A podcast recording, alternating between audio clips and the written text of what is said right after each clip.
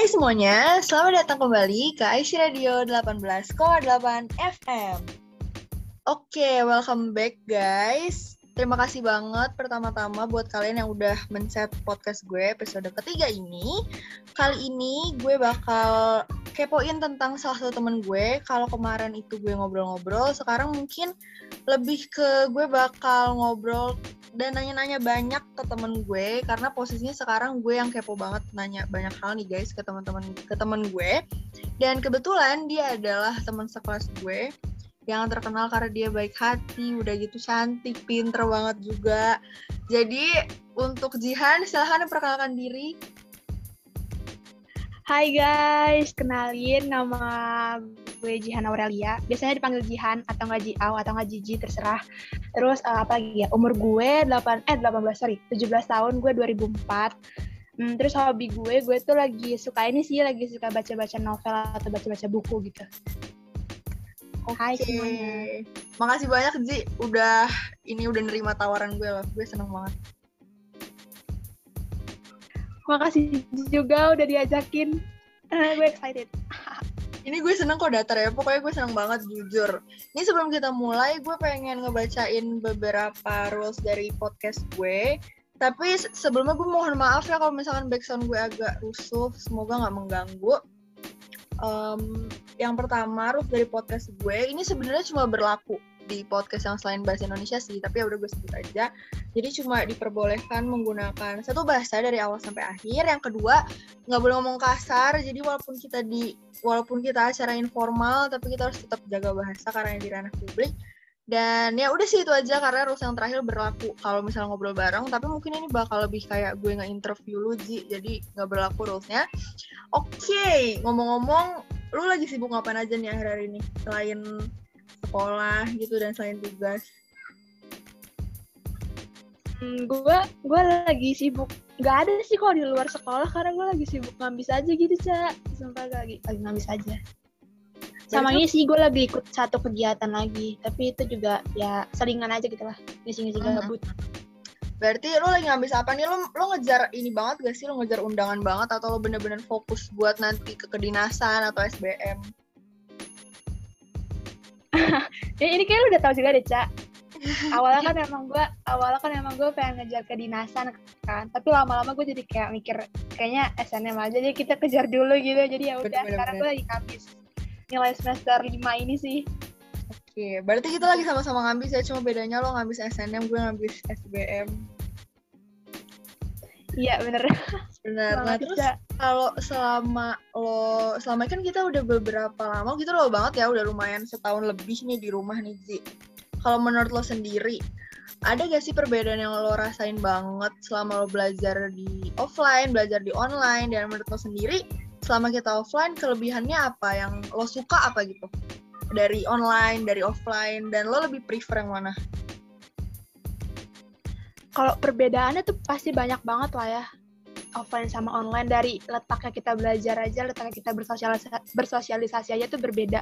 Dan kalau untuk kelebihan online sendiri ya kalau bagi gue nih ya online atau offline dulu tadi? Nih boleh online dulu deh karena kita lagi online.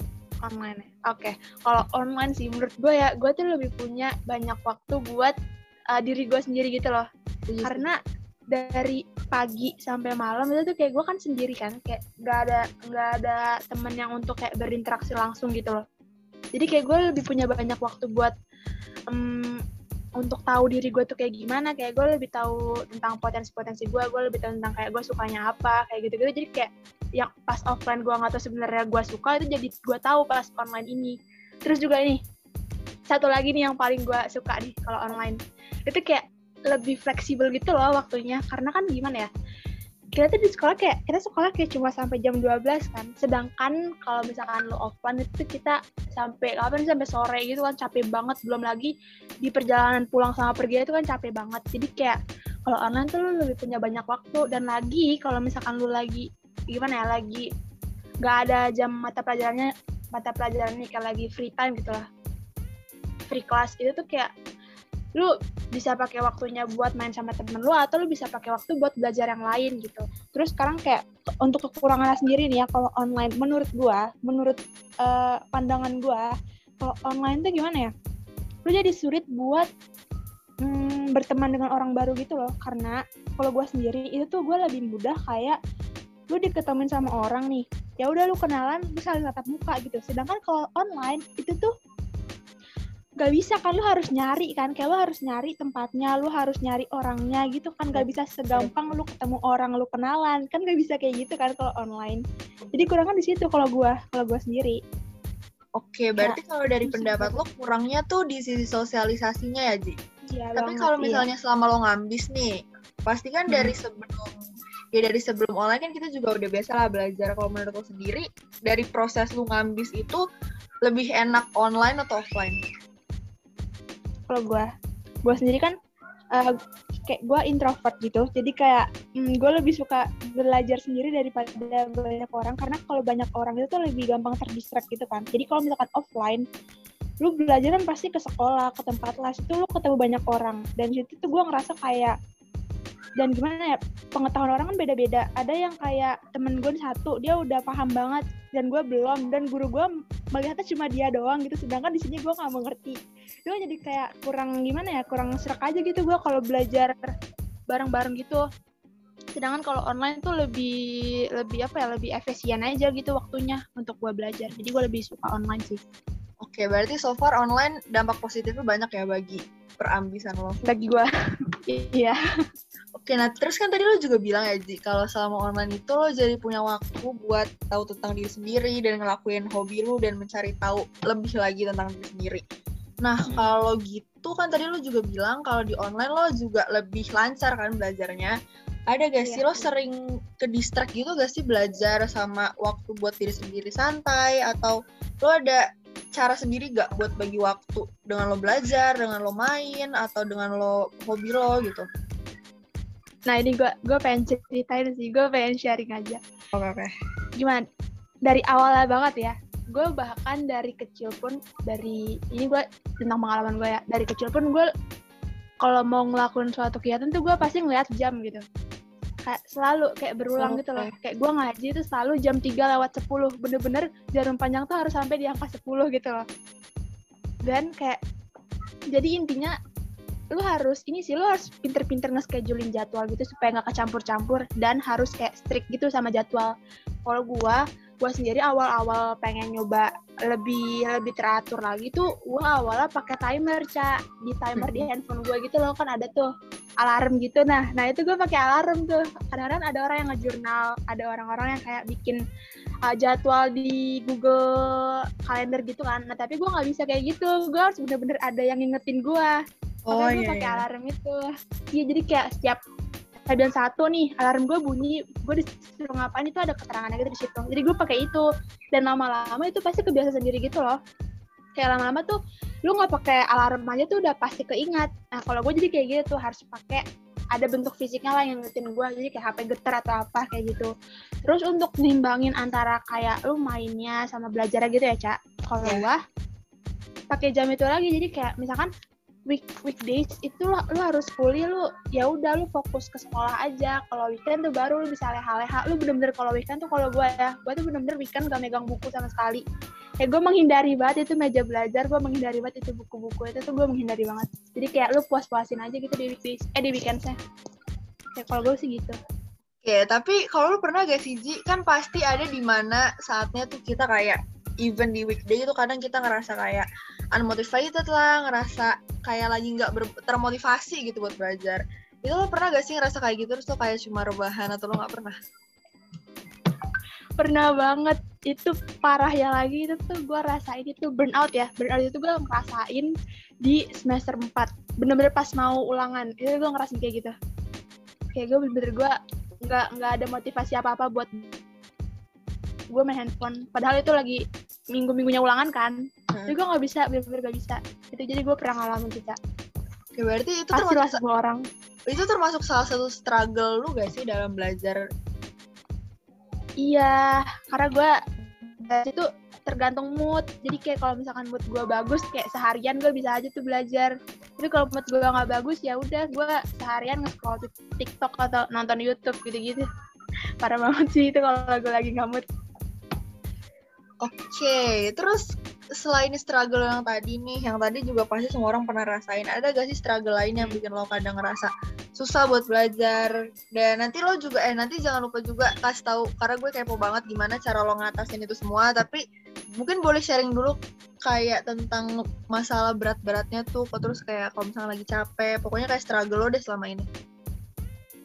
Struggle gue selama ini kan itu tadi gue pernah ngalamin fase-fase gue burnout jadi gue bener-bener gak ada motivasi apa pun buat belajar. Gue udah terlalu capek karena gue terlalu ngeforsir diri gue di awal-awal gitu loh. Kayak Betul. di semester 3 awal-awal tuh gue bener-bener kayak parah banget deh itu. Gue sampai ya parah banget deh. Kayak gue ya parah banget pokoknya. Nah terus struggle gue yang lain tuh kayaknya tuh si burnout ini tuh bisa di terjadi gue insecure gitu loh. Kayak gue ngeliat temen-temen gue itu tuh pada kayak ikut banyak kegiatan, hasilnya bagus, terus kayak masih bisa punya sosial social skill tuh bagus, kayak teman-temannya banyak tapi nilai sekolahnya gak ketinggalan, sedangkan gue gue terlalu fokus sama belajar jadi kayak gue ketinggalan banyak hal gitu loh. Dan itu kayaknya salah satu penyebab gue jadi burnout itu karena gue ngerasa udah stres banget gitu loh. Sama misalkan gue udah belajar yang sebegitu yang gue pengenin gitu jadi kayak itu terus untuk ngatasinnya sendiri kalau gue gue sih waktu itu gue kayak menikmati fase-fase gue burnout itu. Jadi kayak gue nggak mau mencoba untuk keluar dari fase itu jadi kayak gue nikmatin aja alurnya. Ngerti ngerti ngerti ngerti. Lu burnout ya udah lu iya lu kayak lu lagi burnout ya udah. Lu itu itu mungkin sign buat lu buat lu untuk istirahat gitu. Jadi kayak ya udah lu istirahat lu jangan belajar lu udah nggak usah megang buku apa apa lo nikmatin aja lagi fase itu karena kalau misalkan gue pernah pas lagi fase itu tuh gue pernah pengen nge-push diri gue buat belajar gitu. Tapi ujung-ujungnya kayak ya gue misalkan gue nonton Zenius nih ini gak apa-apa kan nyebut brand? Ya gak apa-apa boleh? Gak apa-apa oke. Jadi kan misalkan gue nonton Zenius nih terus habis itu kayak ya udah gue nonton misalkan gue nonton 10 menit tapi itu bener-bener gak masuk gitu loh cak hmm. dan gue ngerasa kayak itu sia-sia banget. Akhirnya ya udah gue nikmatin aja. Akhirnya gue ya gue uh, main-main gue tidur tiduran gitu. Rebahan. Terlama-lama juga pasti ada saatnya lu kayak klik gitu. Kayak oh oke okay, gue gue harus gue harus belajar di sekarang. Kayak gue motivasi lu itu pasti ada lah. Okay. gitu jadi kayak nikmatin aja. Jujur gue setuju banget. Berarti intinya kita nggak boleh memaksain diri kita gitu ya guys? Mm -mm, bener. Ngomong-ngomong tentang maksain diri sendiri nih orang-orang tuh kan kadang suka ngeliat gitu kan ya Ji di sosial media lah gitu, gitu. Suka banyak orang yang nge-share tentang cara belajar masing-masing. Dan banyak juga orang yang ngikutin cara belajar orang lain. Sedangkan setiap orang tuh kan pasti cara belajarnya beda ya. Dan kita nggak bisa maksain itu dong ke diri kita kalau misalnya caranya beda. Nah kalau lo pribadi nih cara belajar lo tuh selama ini gimana sih? Gimana caranya lo gitu Ji dapat nilai bagus? Kita semua tuh terkagum-kagum tau gak? Sama ini mungkin terkesan aja sih tapi kita beneran tahu. Kita tuh sangat amat apa namanya look, look up gitu ke lu Ji kita tuh jadi penasaran. Ini tuh sebelum gue pengen nge-record gue tuh nanya kan ke teman-teman gue mau nitip pertanyaan gak ke Jihan? Mereka udah beberapa nitip udah gue gabungin gitu. Jadi mungkin bisa dimulai hmm. dari cara belajar lo gimana Ji? Pertama ya cara belajar. Berarti makasih loh Cak. Gue gue overwhelmed banget. Thank you. Uh, oke. okay. Uh, cara belajar ya. Sebenarnya kan cara belajar itu ada banyak. Ada yang lo tau lah pasti kayak uh, visual auditor auditori gitu. Terus ada kines kinestetik dan segala macamnya. Dan itu lo harus tahu dulu itu lo tipe apa tipe apa supaya nanti pas belajar pun lo lebih nyaman dan lebih bisa produktif di uh, cara belajar tersebut itu nah kalau gue sendiri gue tuh lebih yang visual. Jadi kalau cara belajar gue ya gue nontonin nontonin video-video pembelajaran gitu. Kayak misalkan dari YouTube langganan di Zenius dan lain-lain gitulah. Banyak lah pokoknya kalau mau dicari mah pasti ada. Di internet tuh banyak. Terus um, cara belajar gue yang lainnya tuh bisa ini loh. Uh, harus konsisten sih yang pasti itu. Itu kuncinya sih menurut gue. Kayak misal setiap hari tuh belajar jam satu gitu. Ya udah lu besok pun belajar jam satu lagi besoknya pun belajar jam satu lagi kayak gitu terus. Dan dari buku yang gue baca itu yang namanya apa ya Atomic Habits kalau nggak salah itu udah terkenal banget kan bukunya. gue juga baca sumpah. Iya iya itu itu terkenal banget kan. Jadi itu di situ tuh dibilang di situ tuh dibilang kalau mau ngelakuin sesuatu kegiatan atau mau memunculkan sebuah habit atau kayak apa namanya? Habit itu apa sih sorry. Kebiasaan kebiasaan. Kebiasaan ya kebiasaan. Kebiasaan tuh lo harus mulai dari yang kecil-kecil gitu. Jadi misalkan tuh hari ini ke tadi tuh gue set alarm tuh. Gue set alarm ntar bunyi nih jam satu. Ya udah gue belajar dari jam satu. Jam satu sampai jam belajar itu terserah gue mau sampai jam berapa tapi yang pasti jam satu tuh gue harus megang buku gitu. Megang buku aja deh megang buku gitu. Atau nggak gue buka-buka halaman tuh pasti nanti akan ada kemauan kan untuk kayak tahu ini tuh sebenarnya tentang apa gitu. Pasti ada.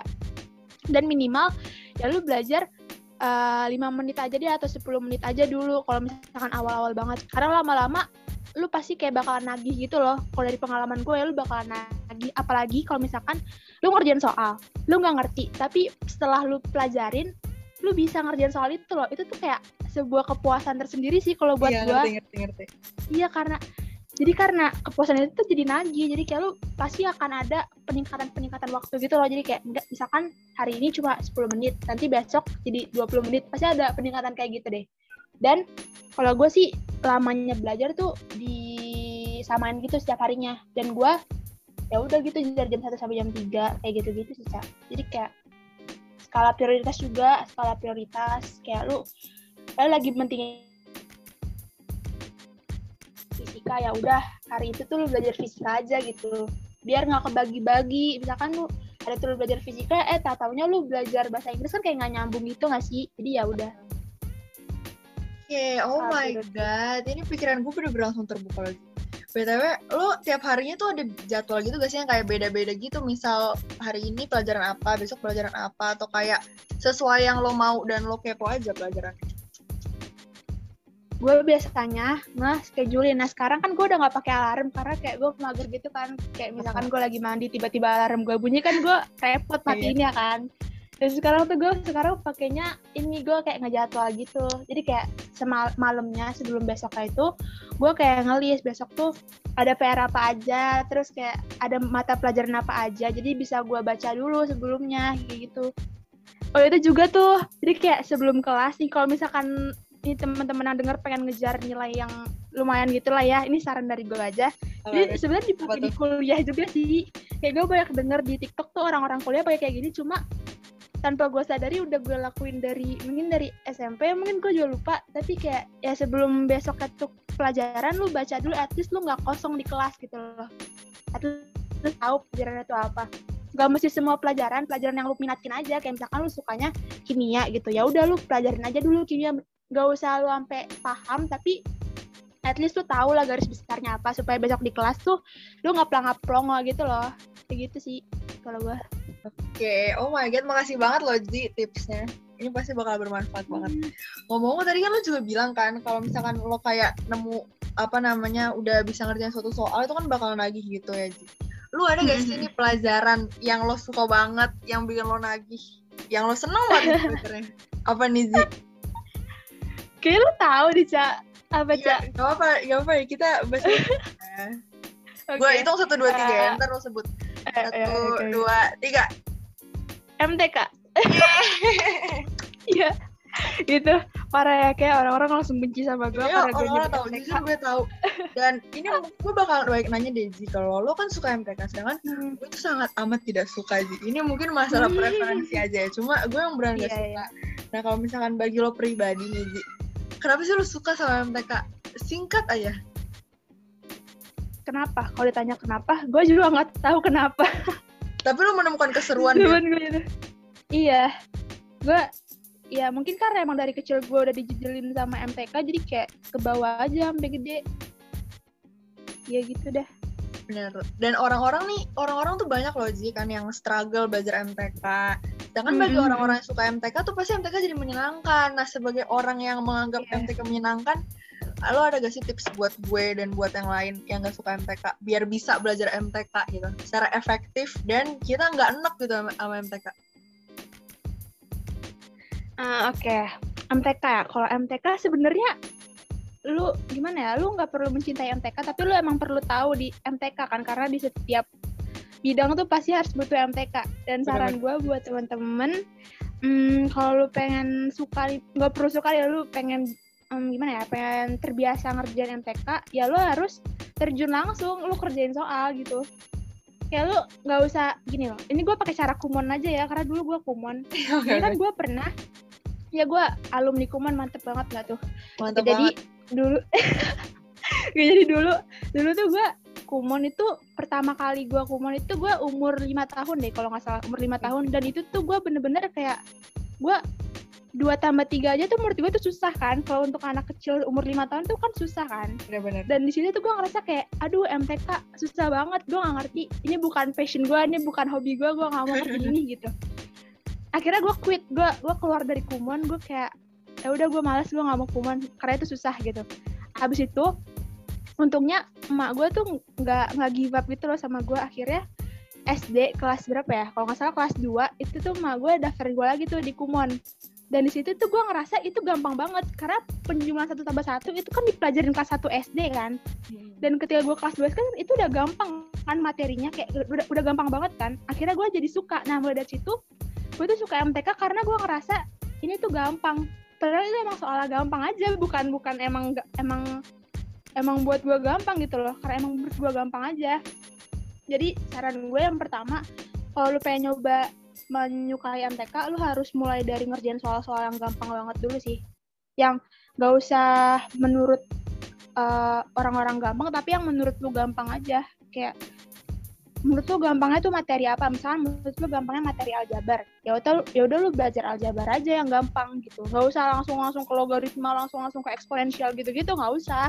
Ya lu mulai dari yang gampang dulu aja gitu. Karena lama-lama ketika lu tahu lu bisa ngerjain yang gampang itu pasti langsung ke bawah nagihnya itu yang tadi gue bilang. Ketika lu ngerjain soal lu ngerti lu bisa ya itu pasti nagih untuk belajar terus. Dan lama-lama juga pasti lu akan mencintai dengan sendirinya. Asik. Asik asik asik banget nih tips dari Zihan. Terus Mantap. nih ada eh, selain tips itu ada lagi gak yang tambahan-tambahan? Tambahan ya?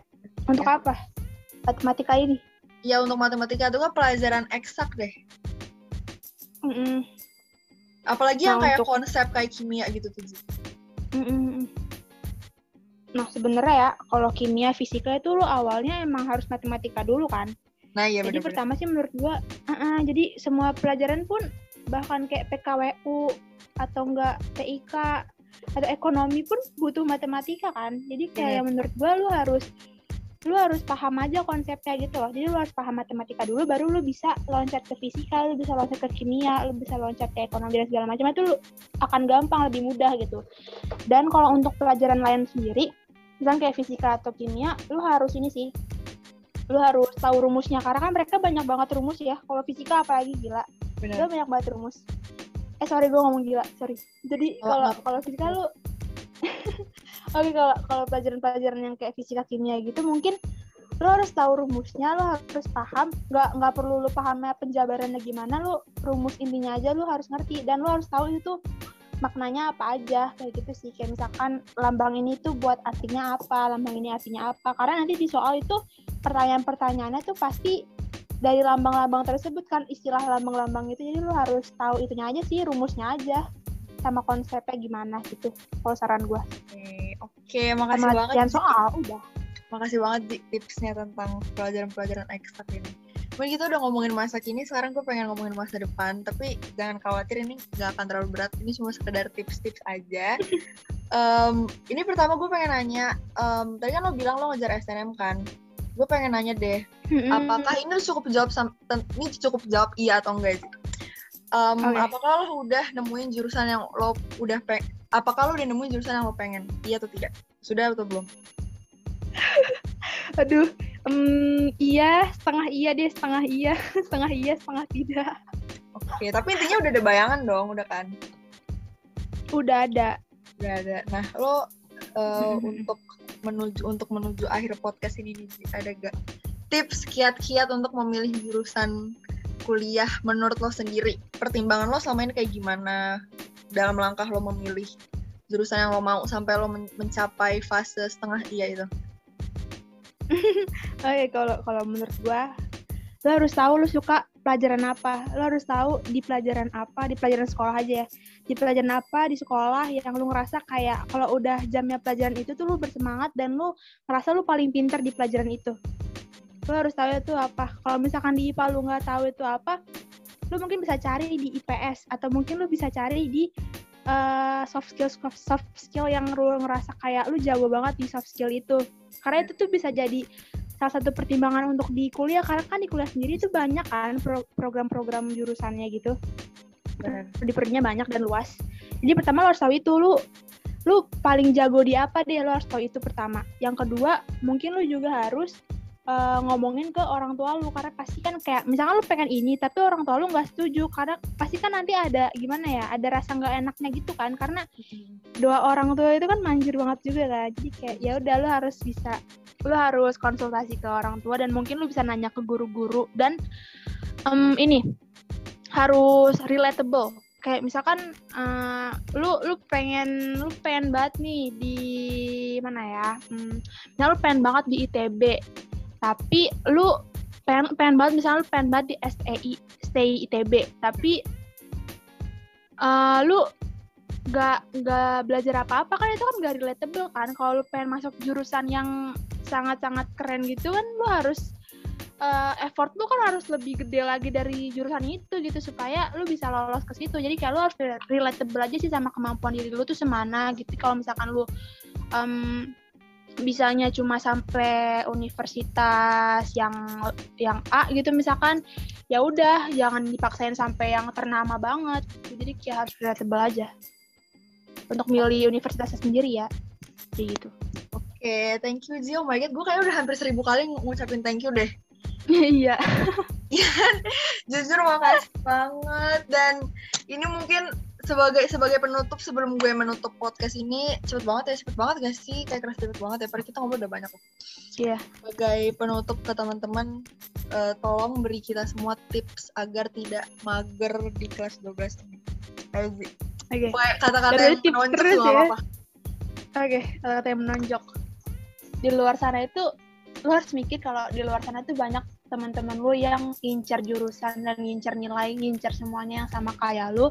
Jadi mungkin ketika lu lagi rebahan, lu lagi main HP, teman-teman lu tuh lagi ngerjain 100 soal di wangsit atau lagi ambis-ambisnya ngeles atau lagi ambis-ambisnya TO gitu. Jadi lu harus sadar itu sih. Jangan Wow. rebahan lu awas aja lu. tangan tepuk tangan. Tepuk tangan. Oh my god, ini jujur gue terima kasih banget ya Zi udah mau nerima tawaran gue. Terus makasih banget juga buat obrolan hari ini yang super-super insightful Membuka pikiran gue dan membuat gue tersindir dan termotivasi.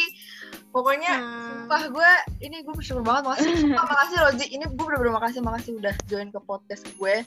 Dan ini kita kita harus saling mendoakan satu sama lain dan teman-teman kita juga semoga nanti kita lancar ke PTN-nya yang kita mau amin. dengan jalan yang paling dimudahkan amin Amin.